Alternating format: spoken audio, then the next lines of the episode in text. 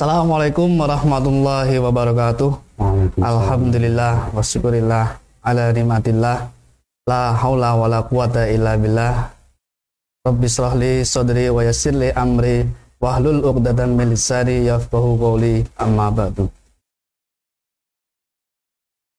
Puji syukur kehadirat Allah Subhanahu wa taala yang telah melimpahkan rahmat, hidayah, taufik serta inayahnya sehingga pada malam hari ini kita masih bisa menemani sahabat-sahabat semua dalam kegiatan rutin pengajian kitab Hadis Arba'in karya Hadratul Syekh Yaji Hasim Asyari.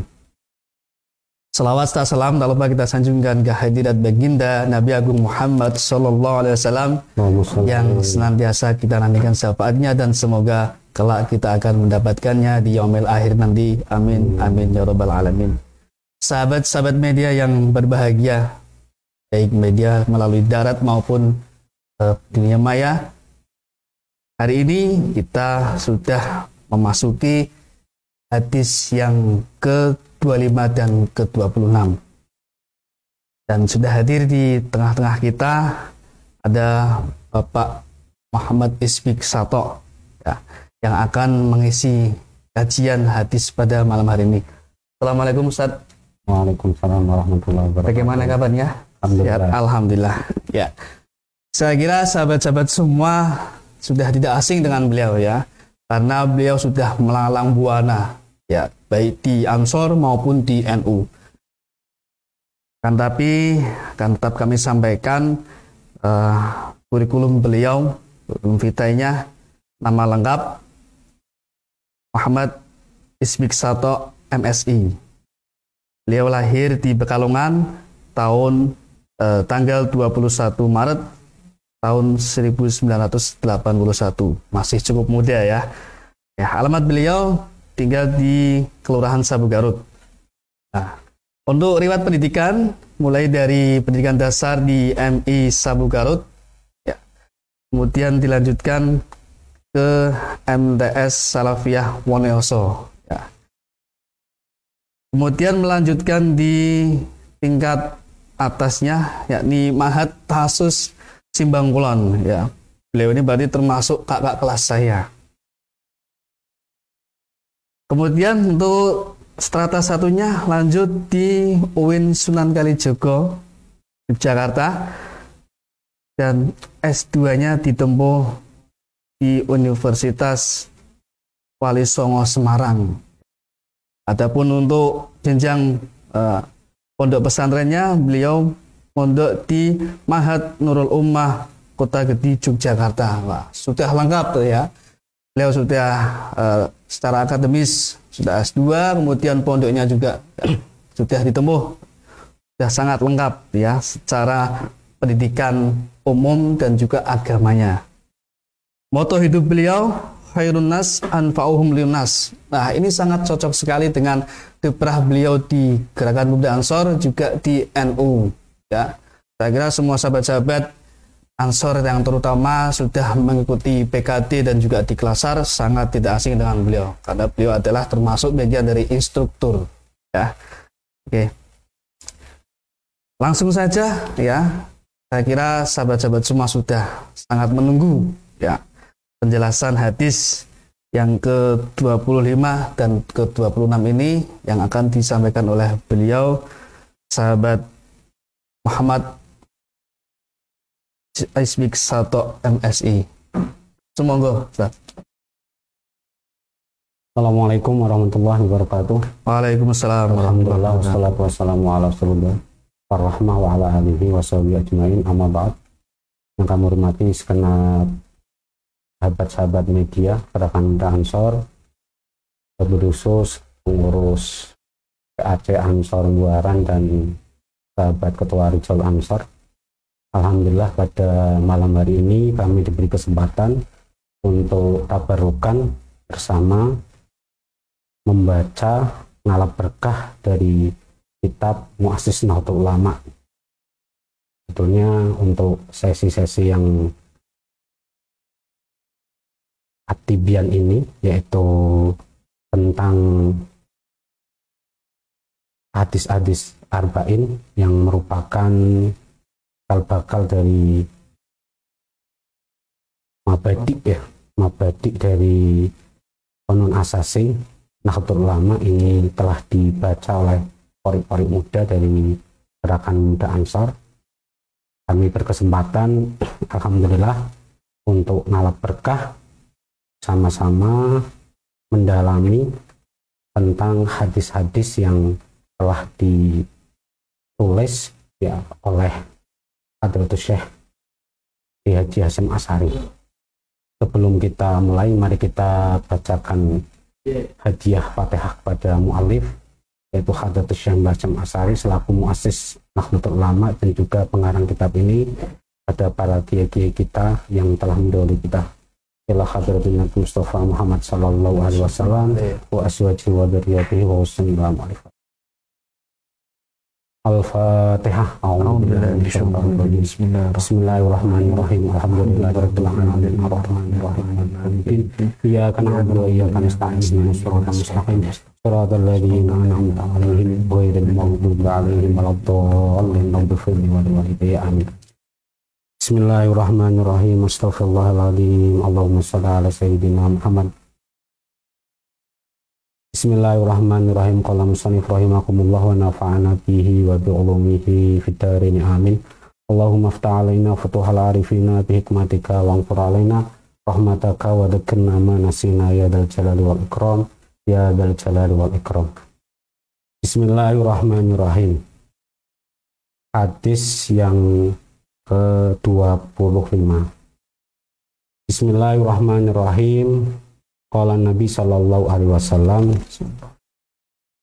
Ar-rajulu ala dini khalilihi Ar-rajulu utawi wong lanang iku ala dini khalilihi Iku ing atase agama kekasih rajul Fal yang dur mongko becik delok ningalo sapa hadukum sira kabeh man ing wong khalil kang nasi sapa had makna dari hadis ini sebagai sebuah ibroh yang diriwayatkan dari Rawahu Abu Dawud wa Turmudi. Ini adalah bahwa seorang laki-laki itu melekat pada kekasihnya.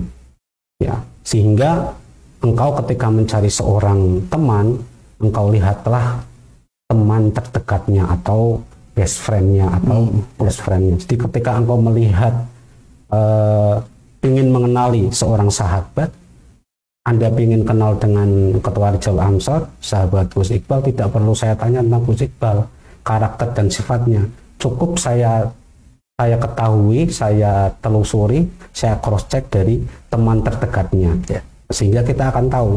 Bahkan saya Zarnuji itu pernah ngendiko dalam kitab taklim ya anil mar ilatas al fas al an ini fa innal qarina bil muqaran yaktabi ya, ketika engkau ingin mengetahui identitas seseorang ya pas al ini maka tanyalah teman terdekat.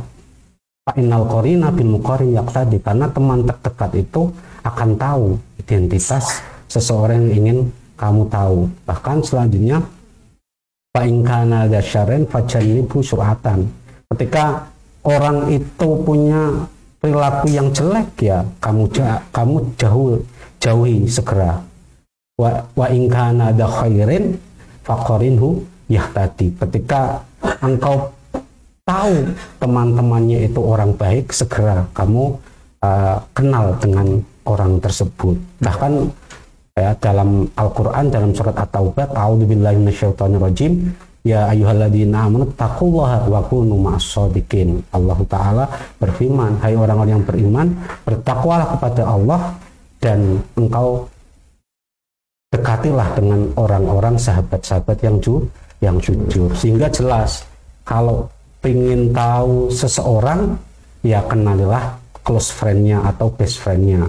Contoh sampean pengen kenal teman yang di Ansor itu jelas identitasnya pasti orangnya bah, baik. baik. Ya. Bahkan ya. kanjeng Nabi dalam hadis yang lain mengatakan masalul jalisi solih wal jalisi su kamasri sahibil miski wakil hidat. Jadi perumpamaan ya orang ber, berteman dengan orang soleh dengan dengan teman yang buruk itu seperti halnya seseorang yang dekat ya dengan penjual minyak dan penjual kayu bakar. Ya, maksudnya apa? Ketika Anda berteman dengan seorang penjual minyak, meskipun Anda tidak membeli atau tidak minta ya minyaknya, paling tidak Anda mendapat bau harumnya. Yeah. Tapi ketika engkau itu uh, berkenalan dengan seseorang yang punya karakter jelek, ya itu bisa juga ya, apalagi di sini oleh Rasulullah dengan kairul hidat ya. Jadi uh, apa uh, semacam tukang minyak ya hmm. atau pedagang kayu bakar ya. Kalau anda mendekatinya ya anda akan ya mendapatkan bau yang tidak enak. Bahkan kalau dekat-dekat bisa bisa terbakar. Seperti itu. Mungkin penjelasan dari dari kami. Mungkin Mas Nanang seperti itu. Itu untuk hadis yang ke-25 ya, betul. kita langsung lanjut saja atau kita buka panjang dulu monggo Lanjut saja untuk Lanjut yang saja ya. ya. ya. Bismillahirrahmanirrahim. Hadis selanjutnya man tasyabbaha biqaumin fahuwa minhu. Man utawi sapane wong tasyabbaha iku nyrupani sapa wong biqaumin kelawan kaum bahwa mengko utawi man iku minhum iku setengah saking kaum. Ya. Ini rawahu Abu Dawud yang meriwayatkan ini hadis sopo Abu Dawud Imam Abu Dawud. Ini hadis yang sangat familiar, sangat famous hmm, ya. Yeah jadi barang siapa yang menyerupai se, ses, uh, dengan kaum, maka dia bagian dari kaum itu, ya. Di sini uh, hadis ini menjadi sebuah hadis yang dikenal sebagai hadis tertentu, yeah. ya. Kita dilarang menyerupai ya seseorang, ya. Menyerupai seseorang dalam dalam hal ini kalau kita melihat asbabul wurud hadis ini ini ada dua kategori ya bahkan ada ada sampai ke tahrij hadis itu sahih, ada yang sampai ke do ke doif ya. Tapi di sini kontradiktif dengan hadis lain yang juga sahih ya. Ya, yang dari Ibnu Abbas. Karena Rasulullah sallallahu alaihi wasallam yuhibbu muwafaqata ahli kitab fi malam yu'mar. Bahwa Rasulullah itu mencintai atau suka ya dengan kebiasaan ahli kitab ya selagi tidak dilarang. Ya ketika selagi tidak dilarang. Maksudnya apa? Rasulullah itu pernah dalam suatu ketika ya itu uh, menata rambutnya itu berjumbul ya. Jadi ada jumbulnya itu Rasulullah itu ya. Tetapi ketika itu melihat kebiasaan orang musyrik itu seperti itu. Jadi beliau kemudian tidak ingin tasyabuh. Akhirnya apa? Akhirnya uh, yang jumbul itu akhirnya diganti dengan uh, kalau bahasa orang Pekalongan itu di pihak kanan dan pihak kiri dan itu mendekati uh, dengan kebiasaan atau kultur orang Yahudi dan orang Nasrani itu seperti itu. Jadi di sini kita bisa melihat bahwa tasyabuh di sini ketika menyerupai uh, secara iktikot saja, secara iya. iktikot itu yang berhubungan dengan keyakinan ya Bahkan kalau kita melihat dalam sejarah ya pernah uh, dalam sebuah kesempatan Hadratus Syekh Basyam Asari ya itu 1940 naman itu ketika ada yang namanya politisasi haji ya hmm. yang kemudian dikerahkan oleh Van der Plas ketika itu sebagai gubernur itu para kiai-kiai ulama-ulama kita seperti itu diberi fasilitas ya untuk bepergian haji ya Sampai kemudian Hadratus Syekh itu sampai sangat ekstrim memberikan fatwa ya fatwa haram ya uh, berhaji ya. fatwa berhaji. Kenapa? Karena ketika itu adalah konsepnya darul mafasid mukaddamun ala jalbil masoleh. Karena apa? Andreas ini pintar ingin menarik hati para kiai para ulama-ulama Nusantara ketika itu untuk difasilitasi yang perjalanan haji dulu itu tidak seperti sekarang sebulan dua bulan itu bisa bertahun-tahun padahal ketika itu para kiai-kiai di Nusantara itu ada yang namanya konsolidasi politik ya sehingga sampai uh, Hadratus Syekh Mbah Ari Asari itu menjenengan kalau bisa melihat bukunya Pak Imun Injazuli ya di yeah. fragmen Nahdlatul Ulama itu jelas mm -hmm. di situ sampai membuat fatwa seperti itu Pak ekstrim itu jadi dilarang pergi haji. Karena apa? Menggunakan fasilitas pemerintah Belanda ketika itu. Hmm, yaitu apa? Yaitu untuk konsolidasi itu. Sehingga apa? Uh, Darul Mafasidnya itu seperti ini. Artinya para kiai-kiai kita ketika mendapatkan fasilitas seperti itu akhirnya apa? Nasionalismenya itu akan menjadi lo- luntur. Itu seperti itu. Iya. sehingga uh, di situ fatwa itu menjadi ampuh. Ya. Syah itu sangat ampuh Ah, mengenai tasabuh ini juga pernah jenengan kalau lihat sejarah itu Pak Karno ya. Pak Karno dalam konvensi Jong Java tahun 1921 Juni itu itu melihat bahwa para pemuda ketika itu yang pakai sarung pakai peci itu dianggap ya. ortodok. Jadi ortodok menjadi orang kolot tradisional ya. Sehingga orang-orang itu tidak bangga dengan identitas nusantaranya orang Jawa tidak bangga dengan identitasnya orang Melayu ya sampai kemudian bahwa orang berpeci berkopiah bahkan bersarung itu dianggap sebagai orang-orang yang bukan cendekiawan Nah, di situ tahun tahun 1921 di Jogjawa itu Pak Karno itu langsung bersepakat. Jadi dia berpidato menggunakan peci. Nah, peci itu menjadi sebuah identitas. Identitas, ya. Identitas bahwa kita bangga sebagai bagian dari cinta nasi nasional ketika itu. Itu seperti itu. Jadi intinya adalah bahwa eh, tasyabuh bikaumin ini eh, kita melihat dimensi waktunya Ya. ya dimensi waktunya. Kalau dulu Hadratus Syah itu sampai mengatakan bahwa eh, orang santri bahkan orang-orang yang cinta nasionalis ya itu harus berbeda dengan orang-orang Hindia Belanda. Karena apa? Karena dulu yang yang pro Hindia Belanda itu banyak ya.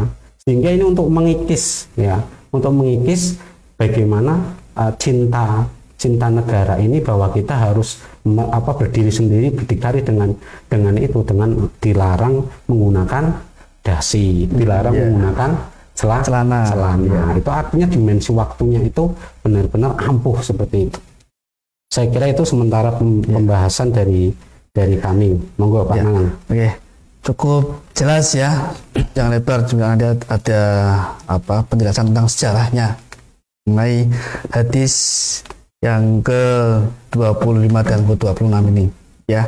Ada hadis 25 yang mengenai tentang bahwasanya seorang lelaki melekat pada kekasihnya ketika ingin mencari tahu eh, karakter dari seorang kita bisa eh, meminta atau eh, men- menanyakan kepada seorang teman dekatnya. Itu itu, hadis yang ke-25 kemudian untuk hadis yang ke-26 barang siapa yang menyerupa- menyerupai suatu kaum maka dia menjadi bagian dari kaum tersebut.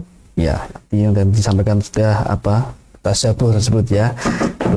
Silakan bagi sahabat-sahabat media baik yang di darat maupun yang di udara apabila ada yang mau ingin ditanyakan bisa melalui inbox ya. Bisa komentar di bawah ya itu. Silakan bisa ditanyakan. Ah, sambil kita menunggu ada yang mau menanyakan ah, ini coba minta dijelaskan lagi Ustadz, ya. Mengenai tadi yang apa namanya tentang eh, ketika seorang lelaki itu melekat pada kekasihnya. Nah, itu. Ah, seumpama saja ini sahabat ya. Kita ingin tahu bahwasanya eh, sudah sudah cukup familiar kalau ada orang-orang marginal itu eh, konotasinya eh, agak negatif ya. Nah, tapi kan jika kita tidak tahu bahwa sebenarnya ada setiap diri seorang itu punya karakter yang baik.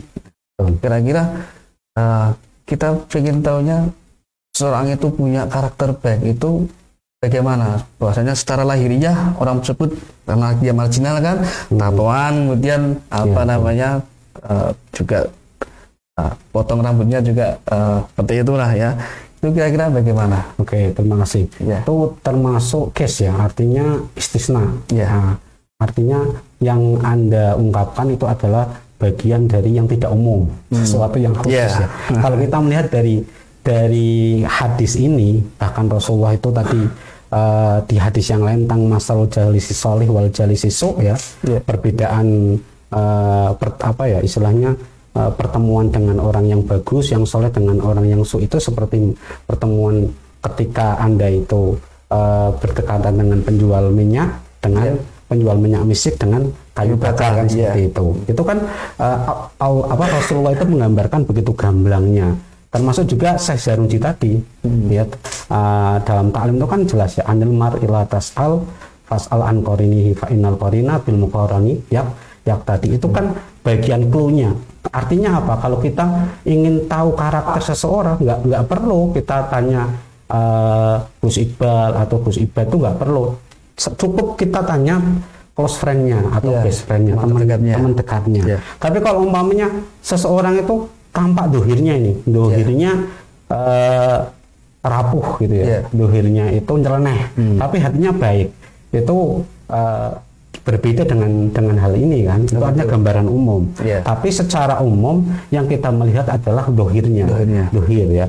Nah, makanya ini adalah bagian dari patokan saja. Bagian patokan ketika kita mencari teman kalau yang uh, teman itu so ya ibu suratan aman kok uh, menjauhi segera tapi yeah. kalau kemudian orang itu khair ya bagus ya kemudian lu yang tadi Anda akan Dekat. mendapatkan petunjuk-petunjuk dari orang-orang so soleh yeah. seperti kita contoh artinya ketika sampean berdekatan dengan orang-orang yang anak-anak pang gitu ya meskipun dia ada yang baik ada yang ada yang berat, ada yang kemudian uh, nggak baik. Tapi kan secara secara umum bisa juga kalau anak pang itu bisa juga karena dia seperti itu. Karena uh, secara psikologi itu bisa juga anak-anak menjadi seperti itu di jalan nggak keurus. Itu kan bisa karena faktor sosiologi. Iya. bisa karena broken home yeah.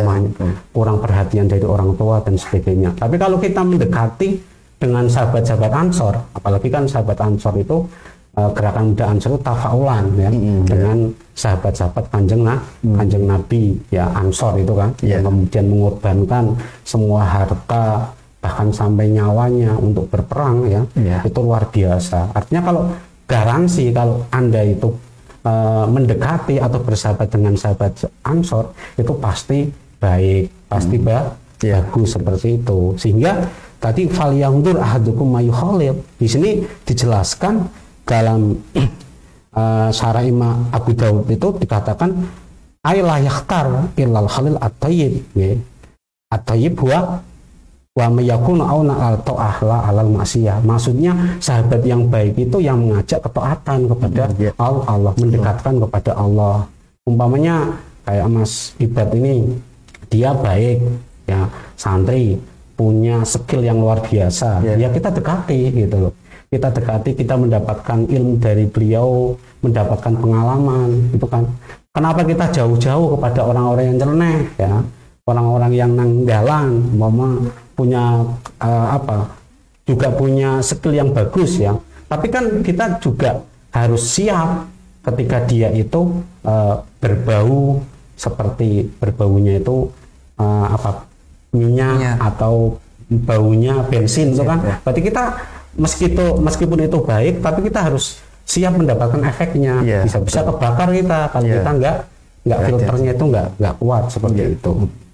Mungkin itu pak. Okay, ya yeah. ada pertanyaan? Ya silakan. Ini yang pertama dari sahabat Ferry. Assalamualaikum Ustaz. Saya dari Masjid Waalaikumsalam gitu ya. Izin bertanya bagaimana dengan sistem kajian Islam yang menggunakan sistem podcast yang digagas oleh seorang non muslim Ben Hensley. Ya, ini kaitannya dengan tajabu. Bagaimana sistem pengajian yang dilaksanakan secara podcast salah ya, ya. ini kira-kira uh, masuk dalam kategori tajabu tadi ya Pak ya. ya. Terima kasih ya. ya. Nah, pertanyaan sangat cerdas dan menarik ya. ini ya. Artinya uh, tasabuh dalam ta- tadi itu kan sudah dijelaskan ya. ya. Uh, Rasulullah pun bertasyabuh ya tadi ya dengan dari Ibnu Abbas itu kan Rasulullah yuhibbu muwafaqat ahli kitab malam umat bahkan Rasulullah itu uh, tidak ingin bertasyabuh atau mendekati seperti kebiasaan orang musyrik ketika itu ya hmm. yang nek piyak dijumbul hmm. malah beliau cenderung uh, ben CD ya itu uh, biar berbeda beliau menggunakan apa pihak kiri dan kanan seperti itu yang yang umumnya dilakukan oleh orang-orang Nasrani penjahat dan Yahudi seperti itu. Yeah. Nah, kalau kita melihat uh, ini bukan kemudian kita melihat dimensi waktu Rasulullah dengan sekarang itu kan berbeda ya. Iya, betul. ya. Artinya sekarang umpama kita pakai gadget saja. Gadget itu yang menguasai siapa? Nah, kita menggunakan fasilitas dari uh, founder Facebook gitu Iya. kan. Apalagi Facebook kan bisa uh, share informasi luar biasa kan, Iya, termasuk betul. live streaming media Ansor yang Hmm. viewernya kan jutaan juga ya. Iya. Itu kan berkat berkat dari founder Facebook juga ya. Iya, betul. Nah, termasuk IG. Artinya itu bisa juga bisa juga jariah bagi bagi mereka, bagi mereka. Artinya kita tidak tidak bisa menghukumi bahwa kita bertasabuh dalam hal ini. Ya. Artinya kalau kita melihat tasabuh itu kita melihat itu dimensi waktu. Seperti ketika ketika Hadratus Syekh itu mengatakan bahwa dulu karena itu kan untuk mende- mendeteksi, untuk menguatkan nasionalisme, munculnya resolusi jihad itu kan. Iya. Bagaimana resolusi jihad itu begitu ampuh ketika Bung Tomo itu sowan pada Hadratus Syekh termasuk Pak Karno bagi mohon panjenengan eh, Hadratus Syekh ya Pak Yai untuk memberikan sebuah uh, fatwa jihad Ya. yang kemudian uh, para umat tuh berbondong-bondong ikut berpe- berperang. Tapi bukan Hadratus Syekh yang yang kemudian itu langsung langsung memberikan fatwa dengan musyawarah dari para para kiai Para sehingga ya. muncullah fatwa resolusi ji- Jihad, jihad, ya. berjihad ya bahwa berjihad di medan perang dalam radius 90 km itu hukumnya fardu ain kan sampai seperti Ya. itu.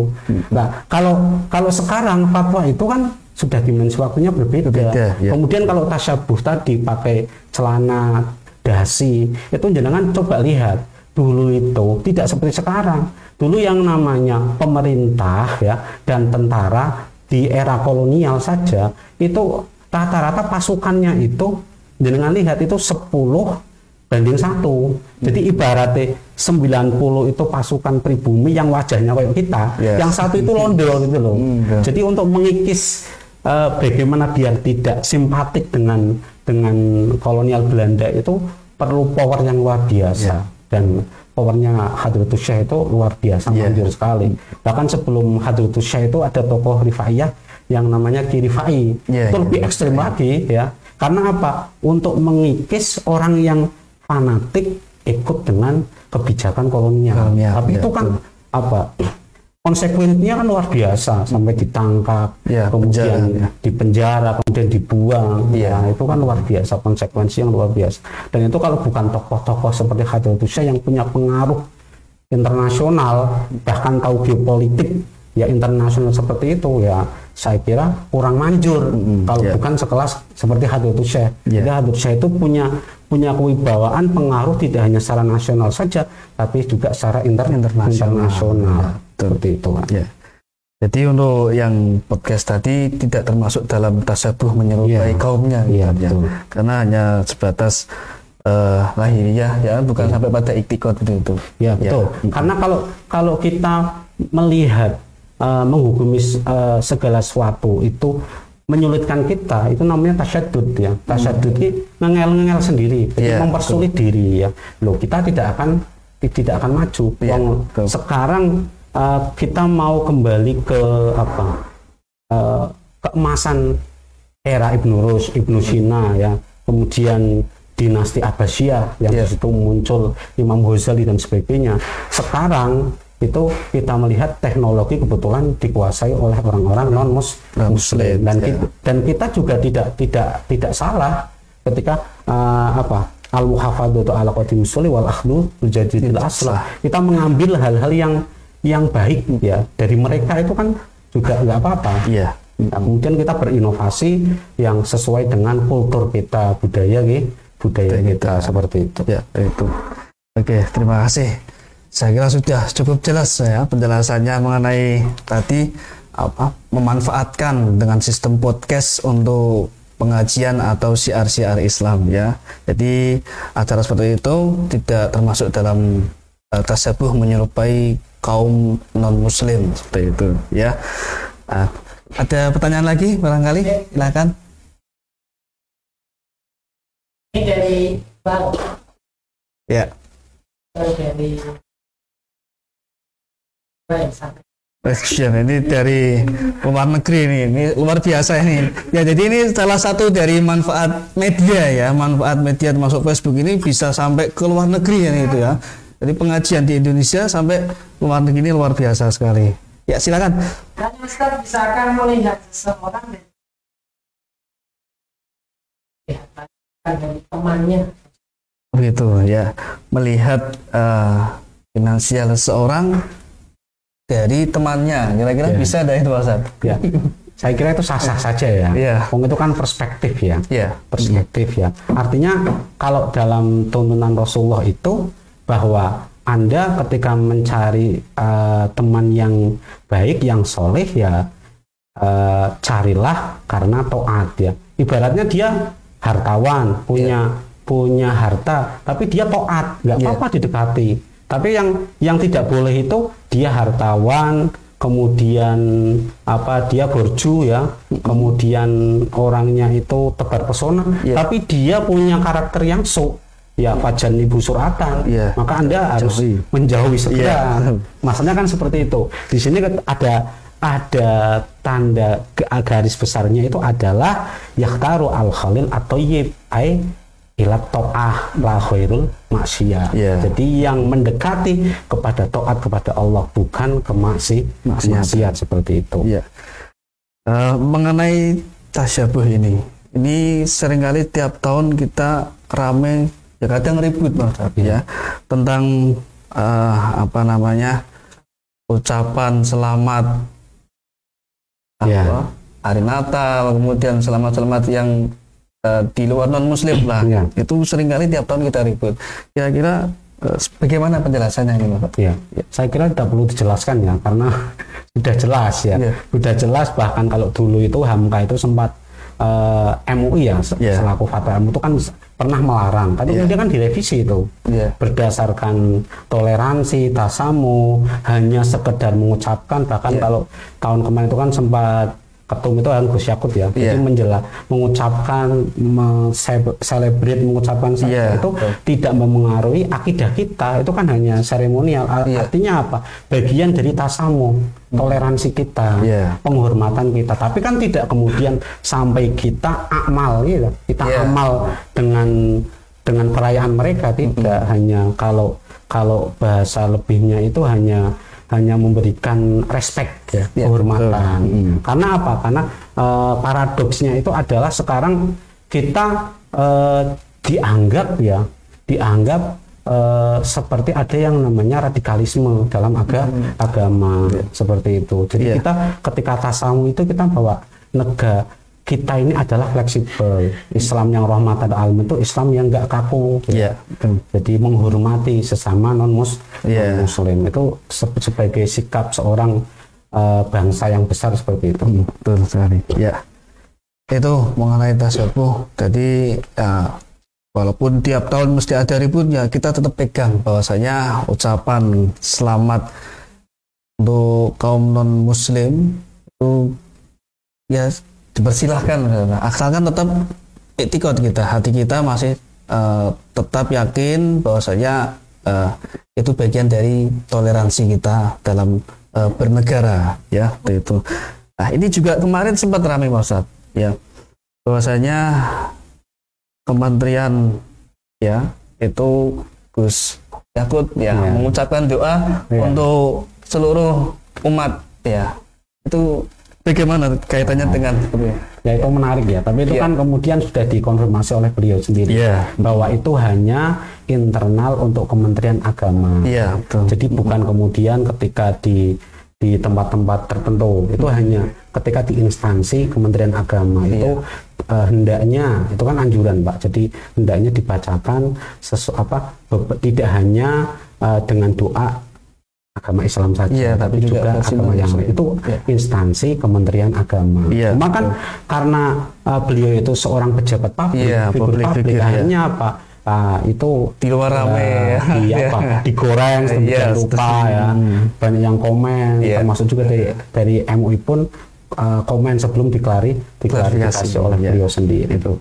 Ya, sahabat-sahabat semua, saya kira juga semua sudah tahu ya kaitannya keman- kemarin yang doanya dari Gus Ketum selaku Kementerian Agama bahwasanya itu hanya dilakukan dalam instansi Kementerian Agama ya, tidak untuk di luar.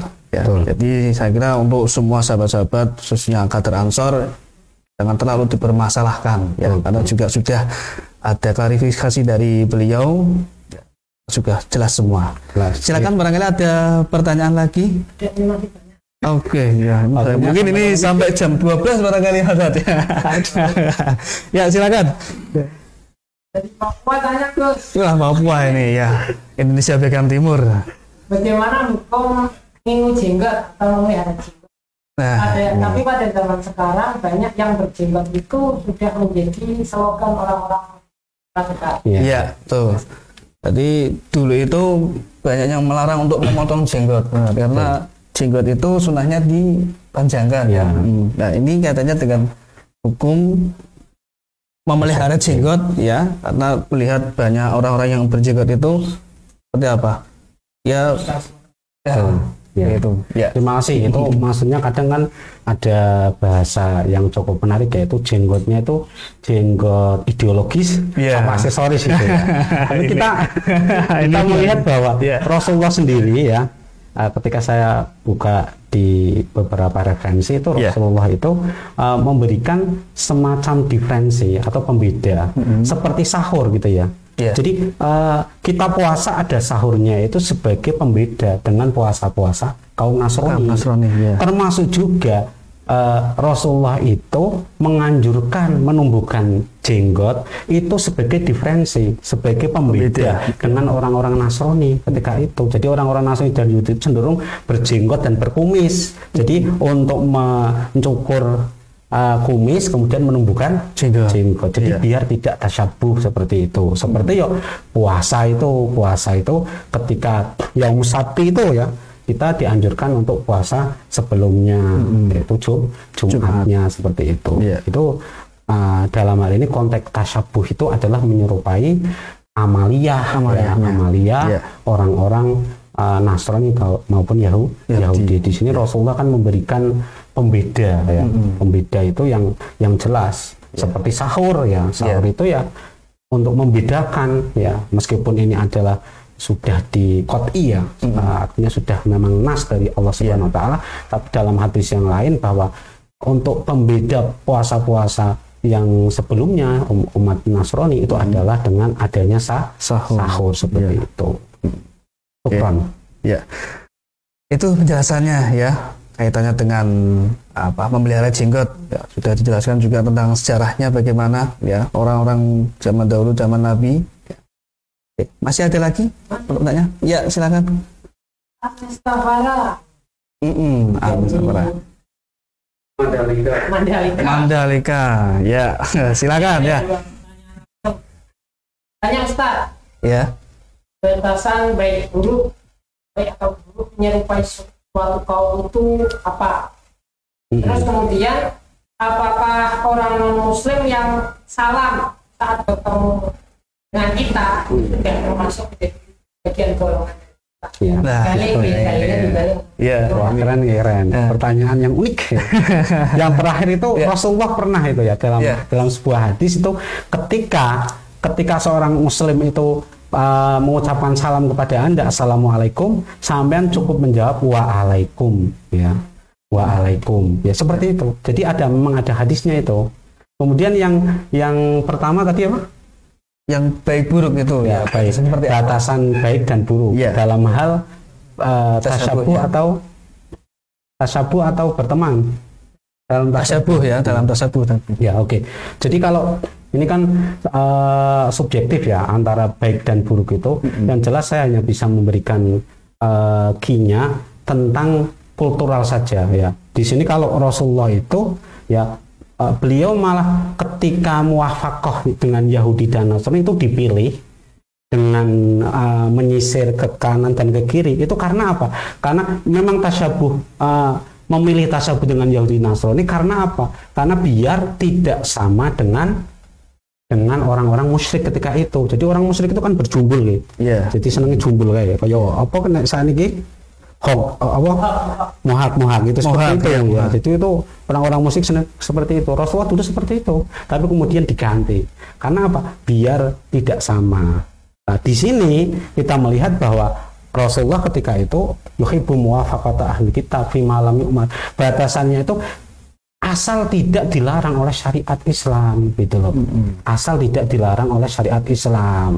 Nah, baik dan buruk itu eh, buruknya itu berarti ketika dilarang oleh syariat Islam. Contoh, sama orang mau tasyabuh senengi umpama eh, seperti halnya orang-orang Nasrani senengi ngingu apa dokpet ya, dokpet Ngi- uh, ngingu apa memelihara anjing Anjing. anjing seperti itu, lucu gitu lah. Iya. Nah itu di situ berarti jelek dalam dalam arti uh, syariat Islam juga uh, ya? di situ uh, menegaskan itu adalah ha- Haram, haram, gitu.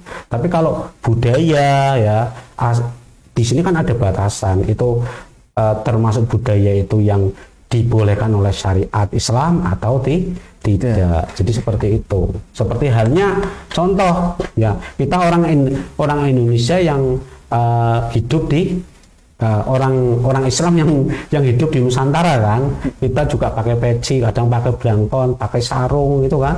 Kita juga tasyabuh dengan orang-orang Ja- Jawa orang-orang Islam Nusa Nusantara. Itu boleh enggak lah asal tidak dalam syariat itu tidak apa-apa ya jangan dipermasalahkan. Ah, Gus kan sering mengatakan ya kita kalau dalam memahami Islam jangan terlalu tasyadud ya. Em, apa? Angel-angel, angel-angel ya. sendiri. Contoh ya. Kanjeng Sunan Kudus itu ya. Itu kan ketika membuat menara itu itu eh, bagaimana pribumi itu melihat masjid itu itu tidak pangling gitu loh. Makanya itu kan seakan-akan mirip dengan pura ya. Iya. pura apa wihara itu? Di kebiasaan orang-orang kudus itu. Iya. sehingga orang kaget Nah, artinya ibarat umpamanya langsung menggunakan kubah kayak Istanbul, kayak model Persia itu kan pasti orang-orang pribumi kaget Pangleng ya. pangling itu kan juga tasyabuh Iya. tapi kan ah, kita melihat kultur ya ah, i- apa istilahnya eh, intisarinya apa esensinya apa Iya. untuk apa untuk eh, sebagai sebuah bagian dari dakwah Mm-mm, iya. dakwah dari kanjeng sunan kudus seperti itu pak Iya. jadi intinya eh, kita memahami agama jangan menggunakan prinsip tasyadud ya Iya. seperti Oke. itu Ya, cukup cukup jelas ya dari penjelasannya ya. Intinya ketika kita uh, melakukan tasabuh kan tidak tidak melarang apa tidak menerjang daripada syariat Islam. Betul. Ya. Cukup atau masih ada lagi? Cukup ya. Oh, selesai. Iya, oke. Saya kira itu ya untuk penjelasannya mengenai hadis yang ke 25 dan 26 yang sudah disampaikan tadi oleh Bapak Ustadz Muhammad Sibik Sato. Ya, juga ada beberapa pertanyaan yang dari uh, luar negeri barangkali ya. nah, mungkin ada kata-kata penutup Ustadz Ya, monggo. terima kasih. Ya. Eh, saya mengucapkan terima kasih kepada sahabat-sahabat di media. Eh, saya hanya berharap bahwa kita eh, beransor itu bagian dari eh, bagian dari menghidupkan Nahdlatul Ulama. ya. Iya. Karena gerakan muda Ansor itu embrionya dari Kiai Haji Wahab Hasbullah ketika membentuk Syubhanul Waton sehingga apa sehingga eh, secara secara sanat ilmu kita jelas ketika kita membesarkan ansor kemudian kita sampai berkorban eh, meninggalkan maisha meninggalkan istri atau pekerjaan itu niat kita adalah bagian menjadi santri dari Hadratus Syekh Mbah Wahab Hasbullah di secara sanat ilmu kita jelas Iya. Kemudian secara sanat perjuangan juga jelas karena apa? Gerakan Pemuda Ansor dari berdirinya 1934 itu selalu menyupport Nahdlatul Ulama dalam berdiri berdirinya kemerdekaan Nahdlatul Ulama sampai memerdekakan NKRI bahkan sampai sekarang selalu menumbuhkan patriotisme nasionalisme ya, juga. nasionalisme negara Republik Indonesia. Dalam forum-forum gerakan pemuda Ansor pasti ya tidak pernah ya ketinggalan menyanyikan atau mengumandangkan lagu Indonesia, Indonesia Raya. ya. Bahkan sekarang dengan mengumanda- mengumandangkan Mas Mas Subhanul Waton karya dari Ki Haji Wahab Hasbullahun Rafaituna Wallahumma fikila kamtarik Wassalamualaikum warahmatullahi wabarakatuh. Waalaikumsalam warahmatullahi wabarakatuh. Ya, eh, kami sampaikan terima kasih kepada Bapak Muhammad, Bapak Ustadz Muhammad Sibik Isbik Sato yang sudah menyampaikan kajiannya eh, hadis arba'in karya Hadatus Syekh Kiai Haji Asy'ari. Pada kali ini adalah hadis yang ke-25 dan 26. Ya, barangkali ada dari sahabat-sahabat semua yang sampai sekarang belum nyandang ya, belum nyandang. Kita dari Galeri Ansor menyediakan ada hem, kemudian kemeja NU maupun Ansor ya, kita sudah sediakan bisa menghubungi yang di bawah ini ya. Peci juga ada ya, baik peci NU yang kayak saya pakai ini kemudian dipakai oleh Pak Ustadz Isbik juga ada peci yang terbuat dari karung ini ya, kreasi dari kader ini ya. Iya. Bisa dipesan di sini melalui nomor yang ada di bawah ya. Jadi jangan tidak usah repot-repot keluar-keluar ya. Barangkali kalau siang hari panas ya tidak sempat keluar apalagi yang sibuk sudah memikirkan kerja ya bisa langsung kring di nomor di bawah ini untuk pesan eh, atribut ansor maupun banser ya. Nah, itu saja yang dapat kami sampaikan untuk pengajian atau kajian hadis pada malam hari ini. Saya selaku moderator apabila ada hal-hal yang kurang berkenan kami mohon maaf yang sebesar-besarnya sekali lagi kami ucapkan terima kasih atas atensinya. Wallahu muwaffiq ila Assalamualaikum warahmatullahi wabarakatuh. Waalaikumsalam warahmatullahi wabarakatuh